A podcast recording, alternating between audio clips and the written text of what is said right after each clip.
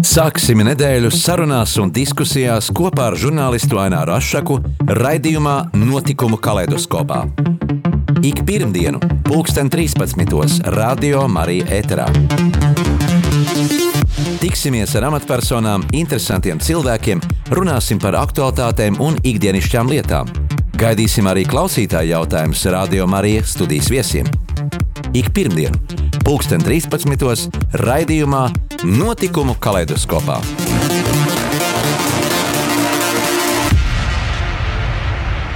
Esiet sveicināti, cienījamie radio klausītāji.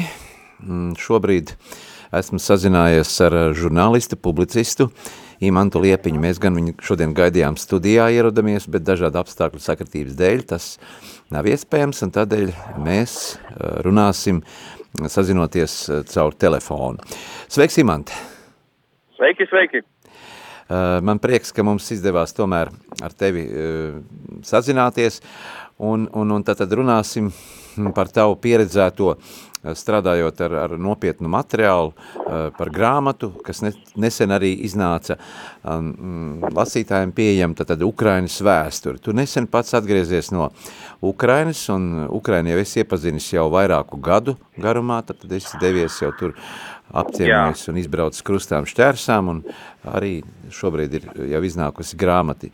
Imant, nu kādi Jā. ir tavi pieredzētie pēdējie notikumi, ko tu, kad tu pabiji pirms divām, trim nedēļām atgriežoties no Ukrainas? Kādu tu to ierādzi? Uh, jā, es patiesībā braucu uz Ukrainu katru mēnesi, un uh, iemesls tam visu laiku bija reportāžu materiāli NRALV portālā, kur uh, man bija tāda uh, speciālā sadaļa ziņojums par stāvokli Ukrainā. Bet, protams, tagad šobrīd viena no galvenajām aktualitātēm, kas ir, tā ir grāmata Ukrainas vēsture, kurā, nu, teiksim tā, es atsaucos aicinājumam uztaisīt Ukrainas vēsturi vienā grāmatā, jo pēkšņi izrādījās, ka latviešu valodā nav nemaz tāda viena grāmata, kurā būtu apskatīta visu Ukrainas vēsturi. Uh mhm. -huh. Un tad mums tur ir 13 dažādi autori, kuri ir gan uh, profesionālie vēsturnieki, akadēmiskie, gan arī tādi kā es, uh, kas ir uh, pieredzējuši kaut kādus notikumus Ukrainā personiski un uh, bijuši kaut kur klāt. Un tad mums, teiksim, tad mums ir um, Vidams augstskolas uh, profesora Gata Kromiņa uh, materiāli par uh, 20. gadsimta vēsturi Ukrainā. Mums ir, uh, un tam pretī mums ir, teiksim, Raits Samešs stāst par to, ko viņš personīgi pieredzējis, palīdzot likvidēt Černobiļas katastrofu. -hmm. Tad mums ir, teiksim, Latvijas universitātes profesors Dainis Blejeris stāsts eh, par uh, padomu varas sabrukumu Ukrainā. Un tad, ir, mm, tad ir mana pēdējā nodaļa par to, kas Ukrainā viss ir noticis pēdējos desmit gados, kur es esmu bijis vairāk vai mazāk klāt kā žurnālists un kā vēlēšana novērotājs. Mm, kad bija pirmā mm, reize, kad tu, tu devies tur un, un kāds bija iemesls toreiz jau vēl pirms eh, visiem notikumiem? Uh, jā, jā, jā, tas bija ļoti sen patiesībā. Uh, pirmo reizi es Ukrai, no Ukrainas taisīju reportāžas uh, strādājot dienas biznesā. Uh, tas bija kaut kāds 2006. gads. Un uh, pēc tam, pēc tam es braucu uz Ukrainu uh, kā vēlēšana novērotājs tajā laikā, kad uh, Ukrainā bija bija tāds periods, kad Ukrainā bija ārkārtīgi negodīgs un viltots vēlēšanas, un tad uh, Ukraiņa aicināja novērotājs no ārzemēm, lai palīdz viņiem ar to tik galā. Un uh, pamazām arī mēs tikām galā. Bet uh, uh, tagad izrādījās, ka visu šo te vēsturi, kas tur bija, ka es to varu izmantot, lai vēl vienreiz pastāstītu tādā koncentrētā formā latviešu lasītājiem par to visu, kas notika Ukrainā pirms gadiem desmit un kas visbeidzot noveda pie Eiromaidana revolūcijas, jo tautai viss šī te korupcija un vēlēšana viltošana, viss pēstietiskums tik ļoti apnika, ka tauta sarīkoja revolūciju un, un protams, ka tas, uh, tas kalpoja Kremlim par iegāns to anektēt Krimu, kur es uh, arī biju klātais ir reportāžas no, no tā notikuma, un, uh, un pēc tam jau sākās karš Donbassā, un, protams, visbeidzot tagadējais karš. Jāsaka, ka tagad situācija ļoti atšķirās no 2014. gada tādā veidā, ka 14. gadā bija ļoti vienkārši brauc, ko gribi, fotografē, ko gribi, taisi, ko gribi, mhm. dari, ko, ko, ko vien pašam, teiksim tā, iespējas atļauj. Un, nu, protams, dažādas notikumu un apstākļu sakritības. Viena tāda sakritība 14. gadā bija tāda, ka es es nobalsoju Eiropas parlamenta vēlēšanās tepatās Latvijā un uh, aizbraucu nākamajā dienā uz uh, Ukrainu. Um, pēc tam aizbraucu ar vilcienu uz uh, Doņetsku, skatīdamies, kas tur notiks. Un tas ir tā izrādījās tieši tā nedēļa, kad uh, separātisti ieradās Doņetskā, sagrāba varu un uh, uh, uzsāka pirmo kauju par Doņetskas lidostu. Tā kā man pilnīgi netīšām uh, pagadījās nu, trāpīt uz to vietu, kur tajā brīdī notika šī te vēsture kā mēs tagad teiktu. Un, protams, tagad es to visu varēju izmantot uh, arī šajā te grāmatā Ukrainas vēsturi, rakstot savējo sadaļu, uh, attiecīgi par pēdējiem svaigākajiem notikumiem. Ukrainā. Imant, kā tev šķiet, vai Ukraina bija gatava jau, teiksim, Eiropas Savienībā iestāties un NATO struktūrās, jo, jo, jo tā ir viņu vēlme un centieni to darīt, bet, nu, kas ir tie, šie traucējušie faktori, vai tā ir tā augstā korupcija un, un vēl nesagotīvotība šajā postpadomu telpā? Aha, jā, ļoti, ļoti, ļoti labs jautājums. Uh, varbūt, uh, varbūt cilvēki būs uh, dzirdējuši kaut vai pausu galam, Uh, ir tāds uh, akadēmiķis Samuels Huntingtons, uh, kuram ir tā saucamā civilizācijas sadursmes teorija. Šī teorija izpaužās tā, ka um, ir lūk te rietum civilizācija, kuras pamatā ir uh, zinātnē progress, uh, lielā mērā ir kristīgā ticība un uh, vispārēji centieni pēc uh, likuma varas, uh, kā, nu, kā pēc sabiedriska pamata. Bet uh, tad lūk šī te uh, nosacīta austrumu civilizācija, kurā pārsvarā valda dažādi, dažādi paveidi despotisms, korupcija un, ko mēs šobrīd ļoti labi varam redzēt, kā tas izpaužās Krievijā, kur cārs iedod iedzīvotājiem kaut kādas niecīgas tiesības vai kaut kādas nelielas brīvības, bet tiek uzskatīts, ka cārs jebkurā brīdī tās brīvības vairs paņemt atpakaļ no cilvēkiem.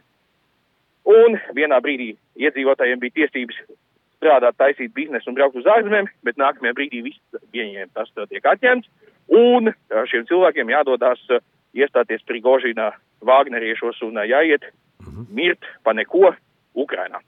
Bet, Tad, lūk, Ukrainas nu... problēma ir tāda, ka Ukrainā šī civilizācija līnija iet apmēram pa vidu.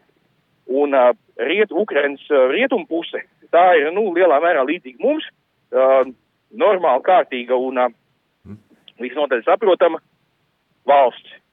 Savukārt, uh, Ukrainas austrumdaļā, tur, kur ir šī Krievu kultūras ietekme, uh, tur ir, uh, tur atkal uh, ir bijusi uh, milzīga vilkme uz šo te uh, korupcijas un pataļas pusi.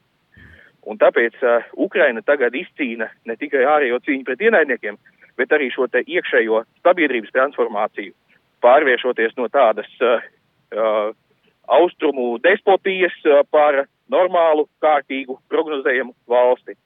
Un uh, es esmu šo te procesu redzējis uh, klātienē nu, pēdējo 15 gadu laikā, un uh, es gribētu uzsvērt to, ka Ukrainā šis iekšējais uh, cilvēku pašu progress un virzība uz rietumu pasauli un vispār virzība uz kārtību un uz, uh, uz, uh, nu, uz godīgu valsti ir milzīga. Un, uh, es priecājos, ka mēs uh, no Latvijas puses varam rādīt Ukraiņiem arī labu piemēru, jo Katru reizi, kad es aizbraucu uz Ukrajinu, es tik dabūju no vietējiem klausīties, ka paldies, tik ļoti labi, ka Latvija palīdz Ukrainai.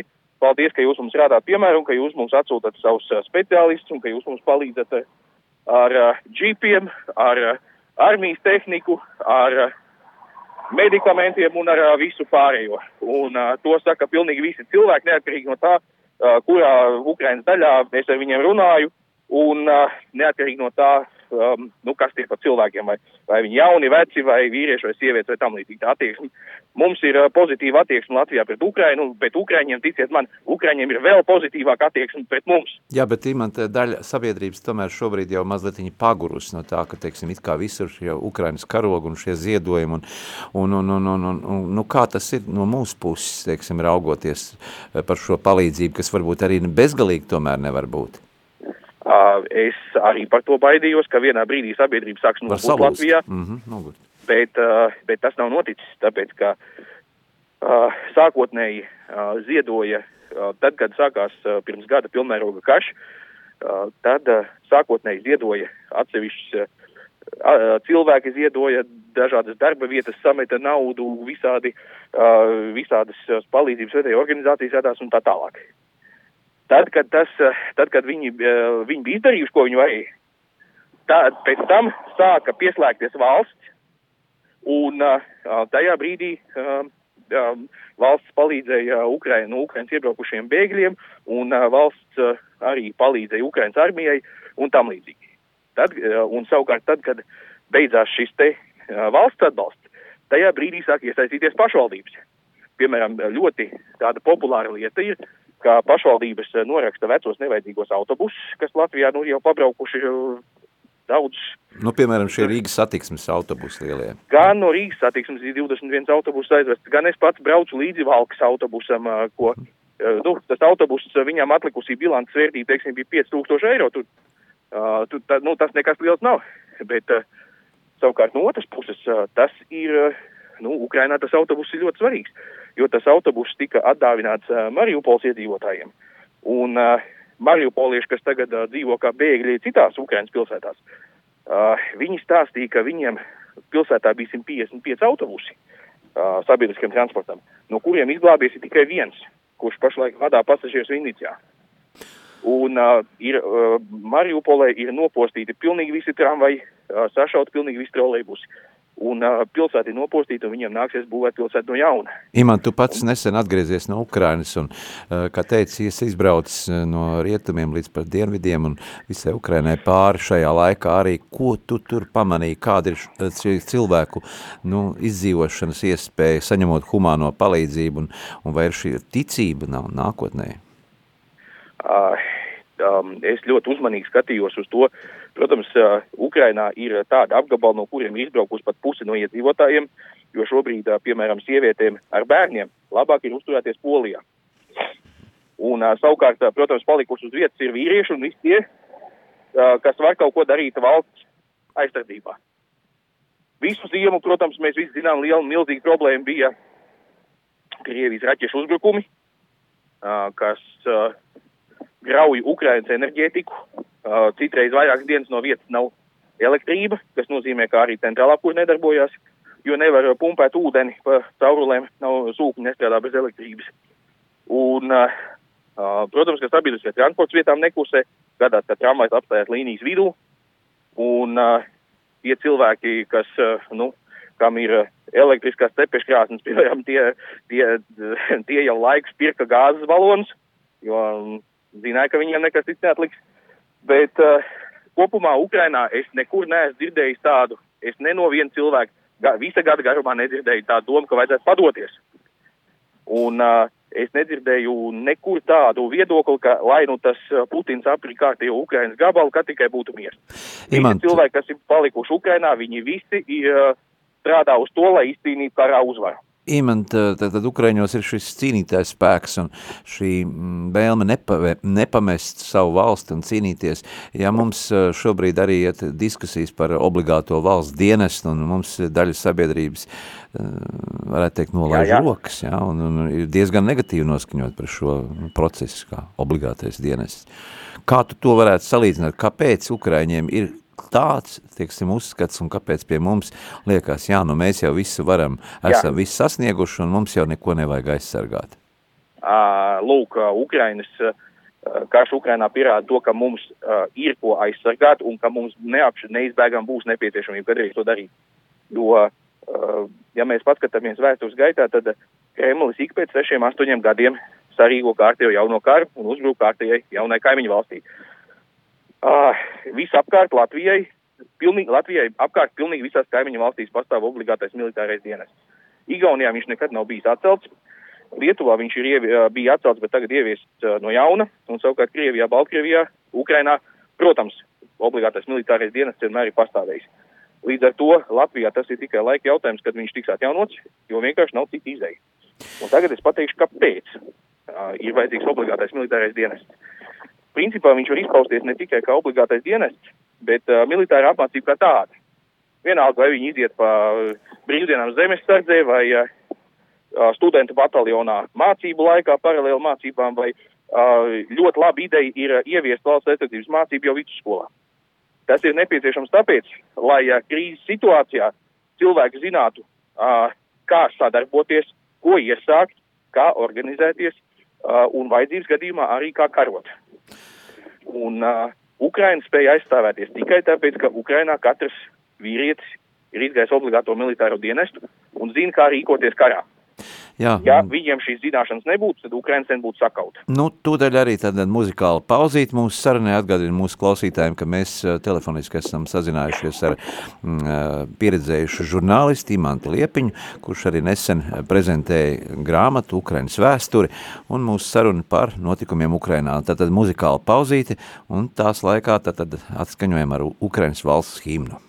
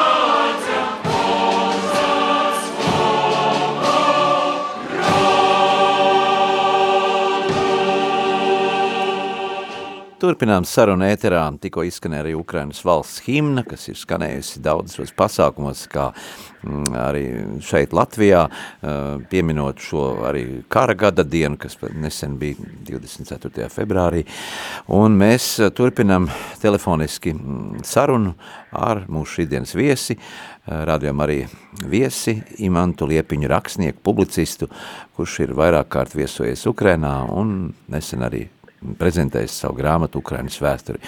Iman, tu dzirdi mūs? Jā, jā, jā, protams, un paldies par uh, Ukrainas himnas uzlikšanu. Jā, ļoti pareizs žests. Imant, nu tad, tavs pieredzētais un piedzīvotais tur. Daudz Latvijas žurnālisti šobrīd gan no televīzijas, gan no radio, gan arī rakstošie žurnālisti, gan arī daudz mūsu brīvprātīgie tur eh, frontē eh, palīdz Ukrainai, un mūsu brīvprātīgie daudz ziedojumus nosūtījuši kā ar svecēm un daudzām lietām, bet šī, nu, Maskavas tā propagandas mašinērija tomēr strādā un daudzreiz arī tiek eh, kaut kas sagrozīts ar kājām gaisā. Gribētu tieši parunāt par šo nu, publicitāti, ja, kas nāk no, no, no, no, no Maskavas puses attiecībā par Ukrainu un, un tāpat laikā arī pārmetot mums, baltiešiem, daudz ko. Jā, pirms deviņiem gadiem, tad, kad notika Eiromaidana revolūcija, tad es biju viens no nedaudzajiem latviešu žurnālistiem, kas tur bija uz vietas. Un kad man nācās Latvijā skaidrot visiem pēc kārtas rakstīt visu kaut kur un uzstāties visu kaut kur un skaidrot šīs te pamatlietas. Jā, Ukraina ir atsevišķa valsts, viņiem ir sava valoda, kas ir nāk pa krievu valodu. Jā, viņiem ir sava literatūra, sava mūzika un tā tālāk.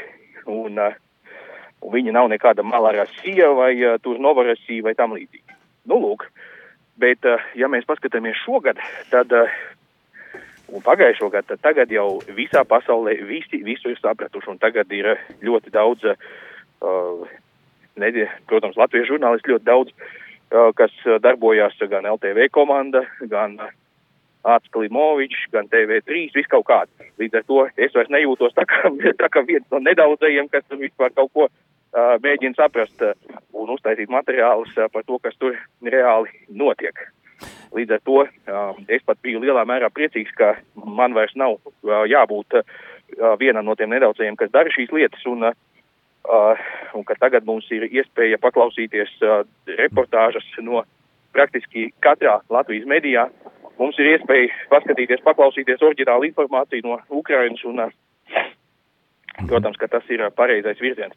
Un savukārt par šo te Krievijas propagandu es vienmēr esmu teicis, uh, pat, uh, nu, piekritis tam viedoklim, ka pro propagandu nevar uzvarēt ar kontrpropagandu, ka propagandu var uzvarēt tikai ar patiesas informācijas sniegšanu, jo gal galā cilvēki nav muļķi un agri vai vēl viņi sāk filtrēt un saprast, kas ir kas un uh, kur, kur runā patiesību un kur kārtījos melus par krustā sistēmu puisīšiem Slovjanskā vai uh, biolaboratorijām, kur trenē kaujas odus Mhm. un, uh, un kaut kādas militārās zos uh, nosūtīšanai, uh, lai inficētu Krieviju ar kaut kādiem pašizdomātiem vīrusiem. Nu, skaidrs, ka tas uh, beigās paliek smieklīgi un, un mums, mums NRLV podkāstos bija pat speciāli tāda, nu, tāds segments propagandas pērles, kur mēs katru pirmdienu, katru ceturtdienu cita starpā izsmējām šos te propagandistu kārtējos gājienus un kārtējo Krievu propagandistu izgāšanos. Jā, Imant, arī pēc dažām dienām būs šī latviešu leģionāra diena, un, protams, ka šī propagandas mašinērija no austrumiem Oi. vienmēr ir pārmetusi, ka uh, šeit ir nacisms, šeit ir fašisms, jā, un tāpat pat pret tiem bandēroviešiem. Nu, kā tad, es arī pats neesmu līdz šim izpratis, ja tad šo terminu, kas vienmēr tiek uh, skandēts bandērovieši, bandērovieši, tie ir vairāk uh, tie, tie, tie kara Jā. Uh, kurinātāji. Nu, kā tad tur īsti ir? Kā tu pats Jā, jā, jā. Nu, lūk. Ah, nu, lūk, um, tā tad uh, ir. Um, um, tāpat kā ja bija nacionālajie partizāni pēc otrā pasaules kara, kuri uh, pēc, uh, pēc hitleriešu sakaušanas uh, bija kurzemē pilna meža nacionālajiem partizāniem un vidzemē Latgalē arī, kuri gribēja atjaunot neatkarīgu Latvijas republiku bez uh, nekādas ārzemju ietekmes. Uh, un, protams, cīnījās pret uh, padomju varu un pret čekistiem. Tālūk, uh, Ukrainā bija šī te uh, politiskā kustība par neatkarīgu Ukrainu, kas darbojās jau pēc Pirmā pasaules kara un kas darbojās arī Otrā pasaules kara laikā un arī ilgus gadus pēc Otrā pasaules kara.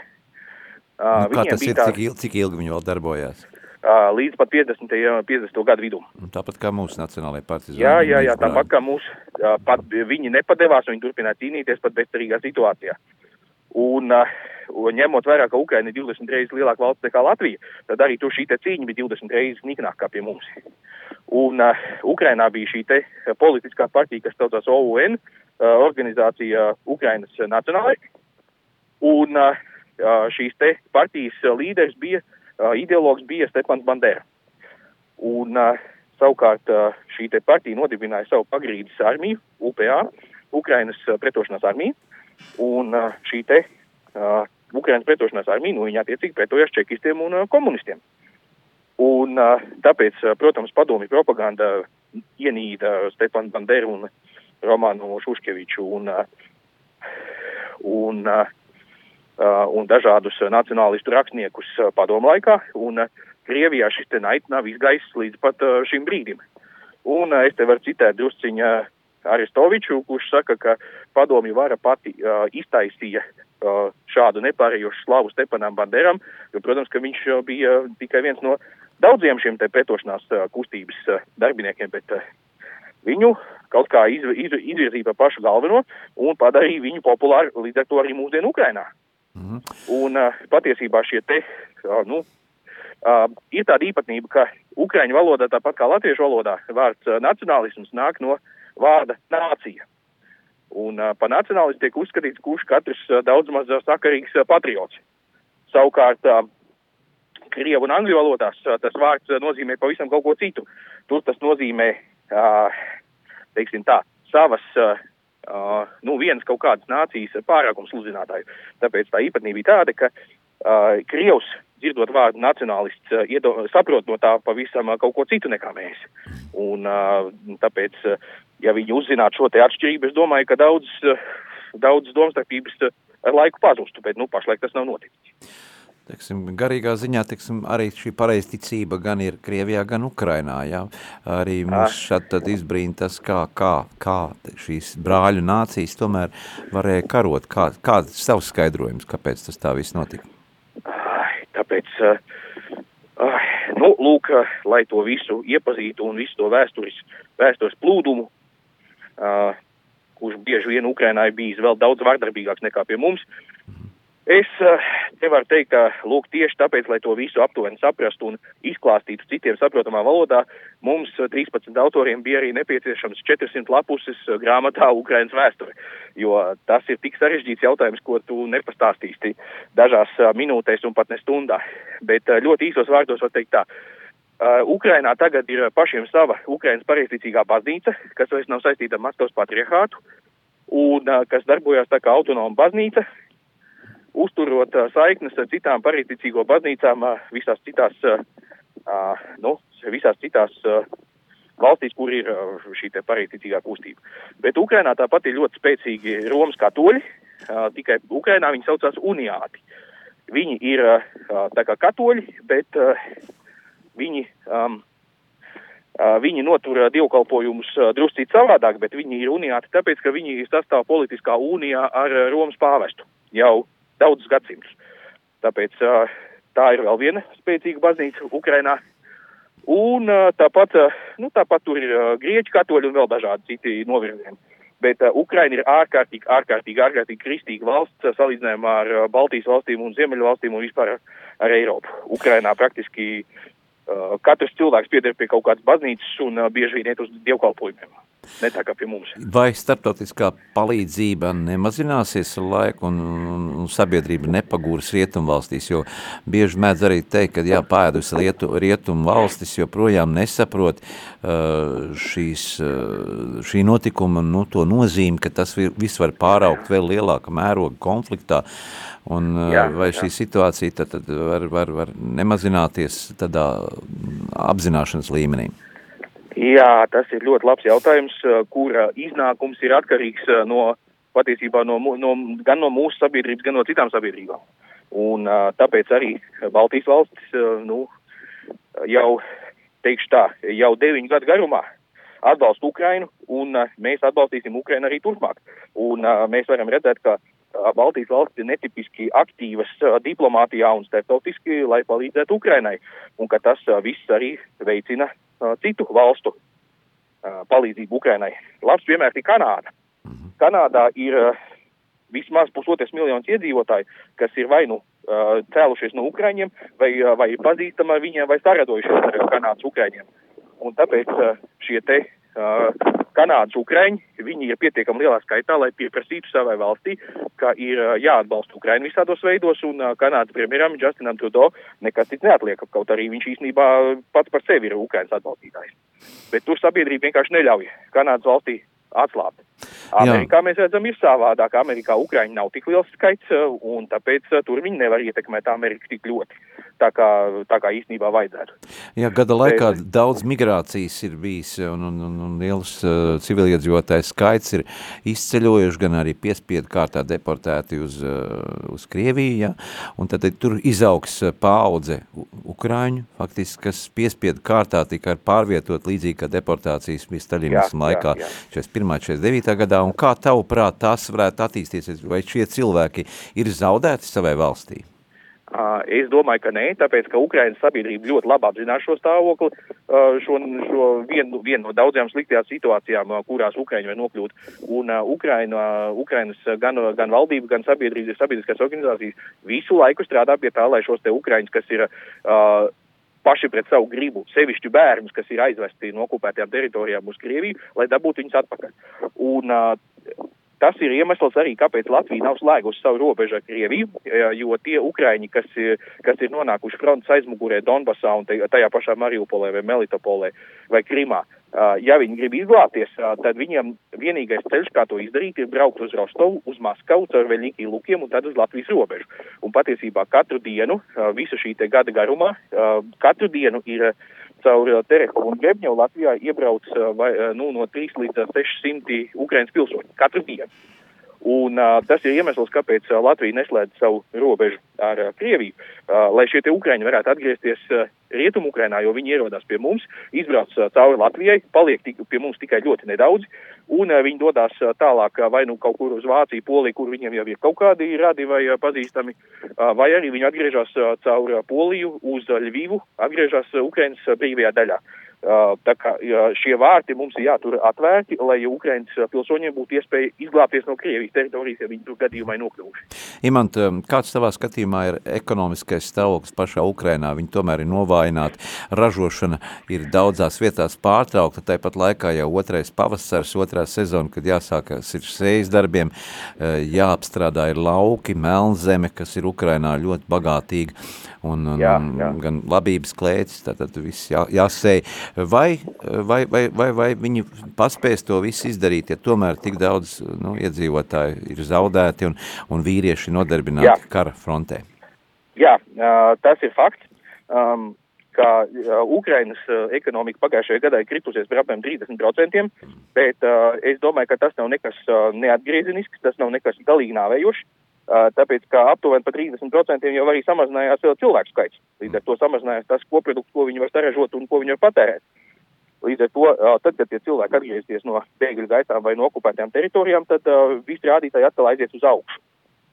Rūpniecība strādā, protams, viņi tagad pārorientējās uz uh, kara pasūtījumu izpildi, bet tāpat uh, turpinās gan tērauda liešana, gan elektronikas ražošana, tagad dronu industrija, Antono rūpnīca turpina ražot militārās lidmašīnas, tā kā uh, Mališo rūpnīca Harkivā turpina remontēt tankus. Tā kā principā notiek viss tas, ko vajag.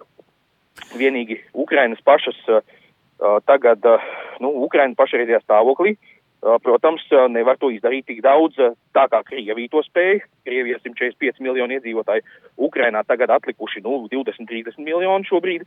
Un, attiecīgi, Ukrainai ir jāprasa palīdzība no ārzemēm, citādi jau nevar bet uh, visā pasaulē vienlaikus ir tāds konsens, uh, ka galu galā pēc tam, kad Krievija tiks sakaut, Krievijai par to visu vajadzēs kaut kādā veidā norēķināties un kaut kādā veidā vajadzēs to visu atmaksāt. Kā, taks, kā tas notiks, uh, mēs nezinām, bet Krievijas nauda jau visā pasaulē jau šobrīd ir iesaldēta, un tagad notiek darbs, lai viņu juridiski pareizā veidā -hmm. konfiscētu. Jā, aizvadīkie. Krievija to pretojās tik tik var, bet uh, tas, es domāju, ka mēs arī dabūsim atpakaļ visu to naudu, ko mēs esam iztērējuši Ukrainas labā. Palīdzības, jā? Ja? Vai uh, pagājušajā nedēļā tātad starptautiskā atomenerģetikas aģentūra arī sacēla trauksmi, jo tika pārtraukta elektrības padeve uh, kodolreaktoram, kas ir viens no lielākiem Zaporižē, un jā, jā. vai, vai šis, šie procesi, kas tur notiek ar šiem uzbrukumiem, uh, nu, tātad vai tas nu, nevar novest pie tādas nu, pasaules kodola katastrofas? Tomēr uh. varbūt mēs šeit dzīvojot arī to tā neizjūtam, bet lasot informāciju šajā telpā, nu, tas ir tas satraucoši, ja? Jā, es kā reiz varu pastāstīt, tātad Zaporižas atomelektrostacija atrodas pilsētā, kas patiesībā saucas Enerhodar, līdzīgi kā pie mums Pļaviņa Hes patiesībā atrodas pie aizkrauklis. Un uh, Zaporižas atomelektrostacijā ir patiesībā seši reaktori, tāpēc tā ir lielākā atomelektrostacija Eiropā. Un uh, pieci no tiem reaktoriem strādā ikdienā, ražo elektrību, sestais ir apmācībai un uh, treniņiem. Un, jā, tur ir, ja, ja tie reaktori nestrādā un neražo elektrību, ja viņi tiek izslēgti, tad vienalga viņiem ir vajadzīga dzēsēšana, un tāpēc ir vajadzīgs pievadīt strāvu no kaut kurienes no ārienes. Bet uh, es esmu diezgan pārliecināts, ka energodārs iedzīvotāji tiks ar to visu galā, jo visa šī pilsēta ir uzbūvēta ap uh, enerģētiku. Es tur esmu bijis uh, 2015. gadā pavēlēšanu novērotāju. Es izbraucu energodāru krustām šķērstām, runāju visiem vietējiem iedzīvotājiem, un viņi tur ir, teiksim tā, uh, viņi strādā šajos enerģētikas objektos.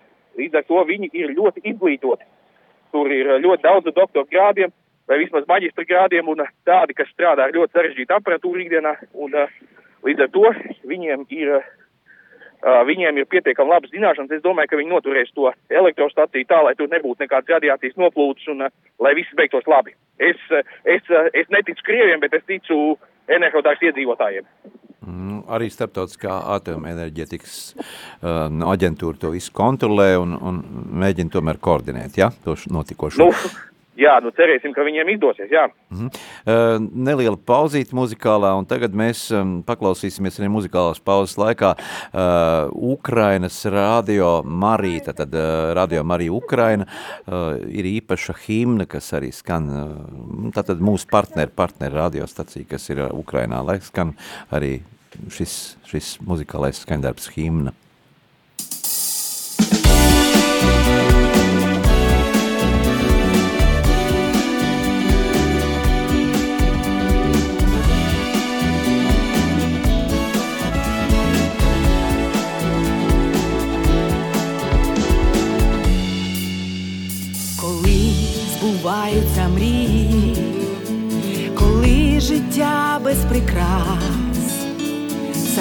Царице світу Маріє, молися за нас,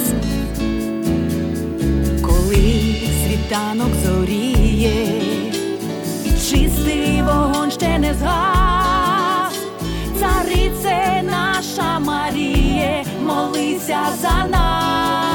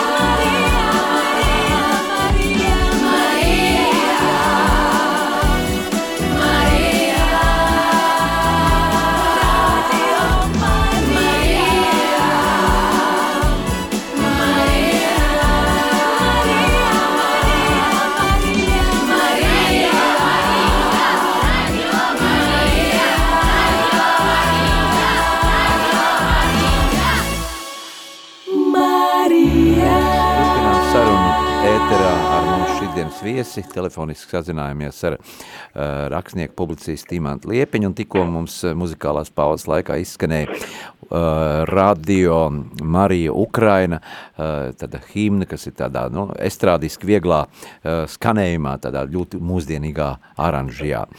Uh, Imanta, dzirdi mūs? Jā, jā. Imanta, runājot par tām valstīm, tā tām lielvalstīm, kas atrodas kaimiņos arī mums, Ukrainai, piemēram, kā Polija, kas arī ir, ir apjoms ziņā milzīga valsts salīdzinot ar Baltiju, ar Igauniju, Latviju. Kāda ir Polijas šī galvenā loma? Nu, varbūt arī Čehija, tur Ungārija mazāk, vairāk tomēr tā, tā faktiski maz atbalsta, ja, tieši no politiskās vadības viedokļa, bet tieši par Polijas lielo lomu un palīdzību. Nu, Polija rīkojās vēl aktīvāk un asāk nekā mēs, un tāpēc, ka Polija pati ir piedzīvojusi briesmīgu nodevību otrā pasaules kara laikā un arī visu represiju pēc tam un atrašanos šajā te, nu, piespiedu atrašanos šajā te saucamā sociālisma blokā. Līdz ar to poļi labi saprot, kas ir Krievija, un, protams, Polija robežojas ar Kaļiņģerats apgabalu, Un, protams, Polija arī labi saprot, kas no tā viss var iznākt, un tāpēc Polija rīkojās ļoti aktīvi un proaktīvi, lai, lai palīdzētu Ukrainai, kaut vai tāpēc vien, lai mazinātu Krievijas iespējas veikt pēc tam kārtējās agresijas pret kārtējo kaimiņu valsti. Un, nu, mēs, mēs arī darām, ko varam, jo gal galā tas taču ir mūsu paši interesi. Jā, tad, tad uh, Imant, kāda varētu būt Ukrainas nākotne, ja tad karš beigtos, piemēram, nu cerēsim, ka tas notiks ātri, ātri, bet Ukrainai ir, ir iespējas būs atjaunoties un varbūt pat kļūt pasaulē par, par vienu no mm, modernākajām valstīm, būs celtniecība, būs viss jātīst, un daži mēdz arī teikt, jā, šeit ir pasaules ietekmes sfēras jau sadalītas, un arī tagad jau esot jau zināms, kurš uh, ieguldīs un investēs šajās Ukrainas pilsētās un izveidos vai... Uh, es teikšu tā, manā pieredzē ir skaidra viena lieta. Tie cilvēki, kas runā par kaut kādām ietekmes sfērām vai kaut ko tādu, paši nekad nav tie, kas varētu kaut ko zināt par tādām reālām ietekmes sfērām, jo runā tādi cilvēki, kas paši nekad nevarētu būt klāt pie tām lietām, kur kaut kādas ietekmes sfēras varētu būt dalītas. Līdz ar to es reāli neticu visām šīm te runām par tādām vai citādām ietekmes sfērām. Jā, Krievijas politikā tas ir bijis raksturīgi, ka viņi grib dalīt kaut kādas ietekmes sfēras ar kaimiņu valstīm un ar citām lielvarām, bet rietumu sabiedrība jau sen vairs uz to nepavelkās, rietumu sabiedrība uz to nepaļaujās, un rietumu sabiedrība pat negrib kaut kādu interešu sfēru dalīšanu, jo mēs nevaram iedomāties nevienu, teiksim, normālu ikdienas britu vai francūzu, kurš gribētu dalīt kaut kādas ietekmes sfēras, un kurš tāpēc gribētu balsot par politiķiem, kuri gribētu pārdalīt ietekmes sfēras. Uh, tāpēc uh, es tai dalīšanai neticu, un uh, Ukrainai tiešām ir šobrīd Ukrainā parādās pašas nozīmīgākās debatas, manuprāt, manā ieskatā, par to, jā, kādai tad būtu valstī pēc tam, kad šis karš beigsies. Piemēram, viena ideja ir, ka nevar to pašu Bakmutu nav jēga atjaunot, jābūvē jauna pilsēta jaunā vietā. Jo tur tās grupas ir tik briesmīgas, ka tur vienkārši būs dārgāk atjaunot kaut ko, nevis uh, nu, vienkāršāk būtu lētāk uzbūvēt uh, jaunu apdzīvot vietu, pilnīgi no nulles. Savukārt uh, Mariupols iedzīvotāji, ieskaitot vicemeru, ar ko es runāju, un ar, ar universitātes rektoru, viņi saka, ka viņi obligāti grib atjaunot savu pilsētu, jo tur ir osta, kur nav iespējams pārcelt uz citu vietu. Un uh, tur ir visi šie lielie metalurģiskie kombināti, ko pēc tam tāpat mēģinās atjaunot, jo viņas, ir, nu, viņas nav iespējams pārcelt uz citu vietu. Un uh, tāpēc uh, Mariupolē būs uh, lieli atjaunošanas darbi. Bet uh, lielākais jautājums, jā, kāda būs Ukraina kopumā, uh, uz ko virzīsies visi iedzīvotāji, kā sabiedrība, kultūra. Un uh, tas jautājums pagaidām paliek atklāts. Viņš vēl nav atbildēts. Man ļoti interesē, ko Ukraiņi paši par to atbildēs. Jā, ir man šobrīd arī Latvijā ļoti daudz Ukraiņu, vairāk desmit tūkstoši pat laikam. Uh, jā, nu kādas ir tavs prognozes par šiem cilvēkiem, vai viņi uh, pēc Ukrainas atjaunošanas, un tad, kad beigsies karš, dosies atpakaļ uz savām mītnes pilsētām, savu valsti, vai tomēr iesakņosies un paliks jau šeit, būs atraduši darbu un varbūt daudz arī apprecējušies? Uh, nu, um, pagaidām mēs varam būt priecīgi, ka Ukraiņi Latvijā aizpild tādus darbus, ko, kas Latvijā ilgstoši stāvējuši tukši, kur nevarēja atrast darbiniekus, teiksim, tur par noliktavu strādniekiem vai atliedzniekiem, santehniķiem un tā tālāk lielveikalu kasieru un tam līdzīgi. Uh, ja tie cilvēki gribēs palikt Latvijā, es domāju, varbūt, bet es domāju, maksimums kaut kāds varbūt 10% no viņiem gribēs palikt Latvijā, jo tomēr ir jau ļoti daudz, uh, patiesībā vairāk desmit tūkstoši tādi, kas ir uzturējušies pagājušo gadu Latvijā kaut kādu laiku, bet tad, kad viņu uh, apgabali tiek atbrīvot, teiksim, uh, Harkivšķīnā, Slobodanšķīnā un tam līdzīgi, tad uh, viņi dodas atpakaļ. Lūk, es jūtu, ka mums tagad būs uh, pamazām jāsāk beigt jo, mm -hmm. jo man, ir, man ir tā, ka uh, es, es šodien neesmu varējis uh, būt kopumā arī studijā, tāpēc, ka man ir, um, nu, lūk, ir tā, ka es patiesībā, es patiesībā gatavojos atkal braukt uh, prom, mm -hmm. un tāpēc es šodien esmu dēliņa aizvedis uz tukumu, uh, jo rītā, rītā jābrauc prom, un tad tagad... Uh, un kur tu dodies uh, prom uz kurieni? Nu, arī saistībā ar Ukrainu. Ar Ukrainu, jā. Imant, eh, vispirms, eh, pirms mēs atradāmies, eh, es gribētu palūgt tevi arī novēlēt kaut ko mūsu radio klausītājiem, starp citu arī saņēmām vienu īziņu mūsu klausītāju. Mm, paldies tev par, par ļoti tādu iespaidīgu un, un, un interesantu stāstījumu un tavu viedokli, arī dodot optimismu un cerības, ka tas viss ātri beigsies jā. un ar Ukrainu atjaunosies. Un, bet nu novēlējums arī mūsu visiem radio arī klausītājiem. Jā nu, es, es varu tikai priecāties par to, ka Latvijai ir iespēja palīdzēt citiem šobrīd. un ka mēs arī katrs kā cilvēks, un ka mēs visi sabiedrība, mēs kā ģimenes un, un novadu un pašvaldības, ka mēs varam palīdzēt citiem, un nevis mums ir jālūdzās palīdzību. Mēs atceramies 90. gados, mēs bieži vien bijām lūdzēju lomā vārdiņiem, bet tagad mēs jau paši esam tie, kas var palīdzēt, tāpēc es novēlu visiem, lai mēs arī turpmāk, lai mums būtu šī iespēja drīzāk palīdzēt citiem nekā lūgties uh, palīdzību no, no kaut kurienes. Un, uh, un kas attiecās, uh, kas attiecās turpmāk, ja klausītājiem interesē, ja klausītājiem ir nepieciešamība, tad uh, pēc, es domāju, pēc kaut kādām trim nedēļām mēs varam, es varu um, es varu mm -hmm. ierasties arī pie jums studijā un klātienē visu past, pastāstīt vēl daudz vairāk, jo, protams, ka stundas laikā ļoti maz ko var pastāstīt, tāpēc tāpēc varam šo te atkārtot, ja gadīsies iespēja. Paldies, Imant, arī tev par iespēju sazināties telefoniski, kā jau minēju, gaidījām tevi studijā, bet, nu, apstākļu dēļ arī šī telefona saruna bija tiešām zelta vērta, un atgādina mūsu klausītājiem, ka tu nesen izdevi grāmatu Ukrainas vēsturi, kas šobrīd arī grāmatnīcās, Jumau grāmatnīcās, un uh, materiāls, kur vērts ir palasīt un iedziļināties, un it īpaši cilvēkiem, kam tas uh, interesē, un jebkuram, ja? Uh, atgādinu, Tātad, ka mēs sarunājamies ar rakstnieku, publicistu, uh, vairāk grāmatu autoru, Imantu Liepiņu, nu, lai tev arī ir Jā, darbīgs paldies, ceļojums un, un sekosim līdz notikumiem un cerēsim uz visu to labo, lai tev arī svētīgs ceļavējš. Jā, paldies. Pie vajadzības, pie vajadzības atkārtosim šo sarunu. Sarunāts, paldies. Jā, paldies, paldies. Sāksim nedēļu sarunās un diskusijās kopā ar žurnālistu Aināru Ašaku raidījumā Notikumu kaleidoskopā. Ik pirmdienu, pulksten 13. Radio Marija Eterā. Tiksimies ar amatpersonām, interesantiem cilvēkiem, runāsim par aktuālitātēm un ikdienišķām lietām. Gaidīsim arī klausītāju jautājumus Radio Marija studijas viesiem. Ik pirmdienu, pulksten 13. raidījumā Notikumu kaleidoskopā.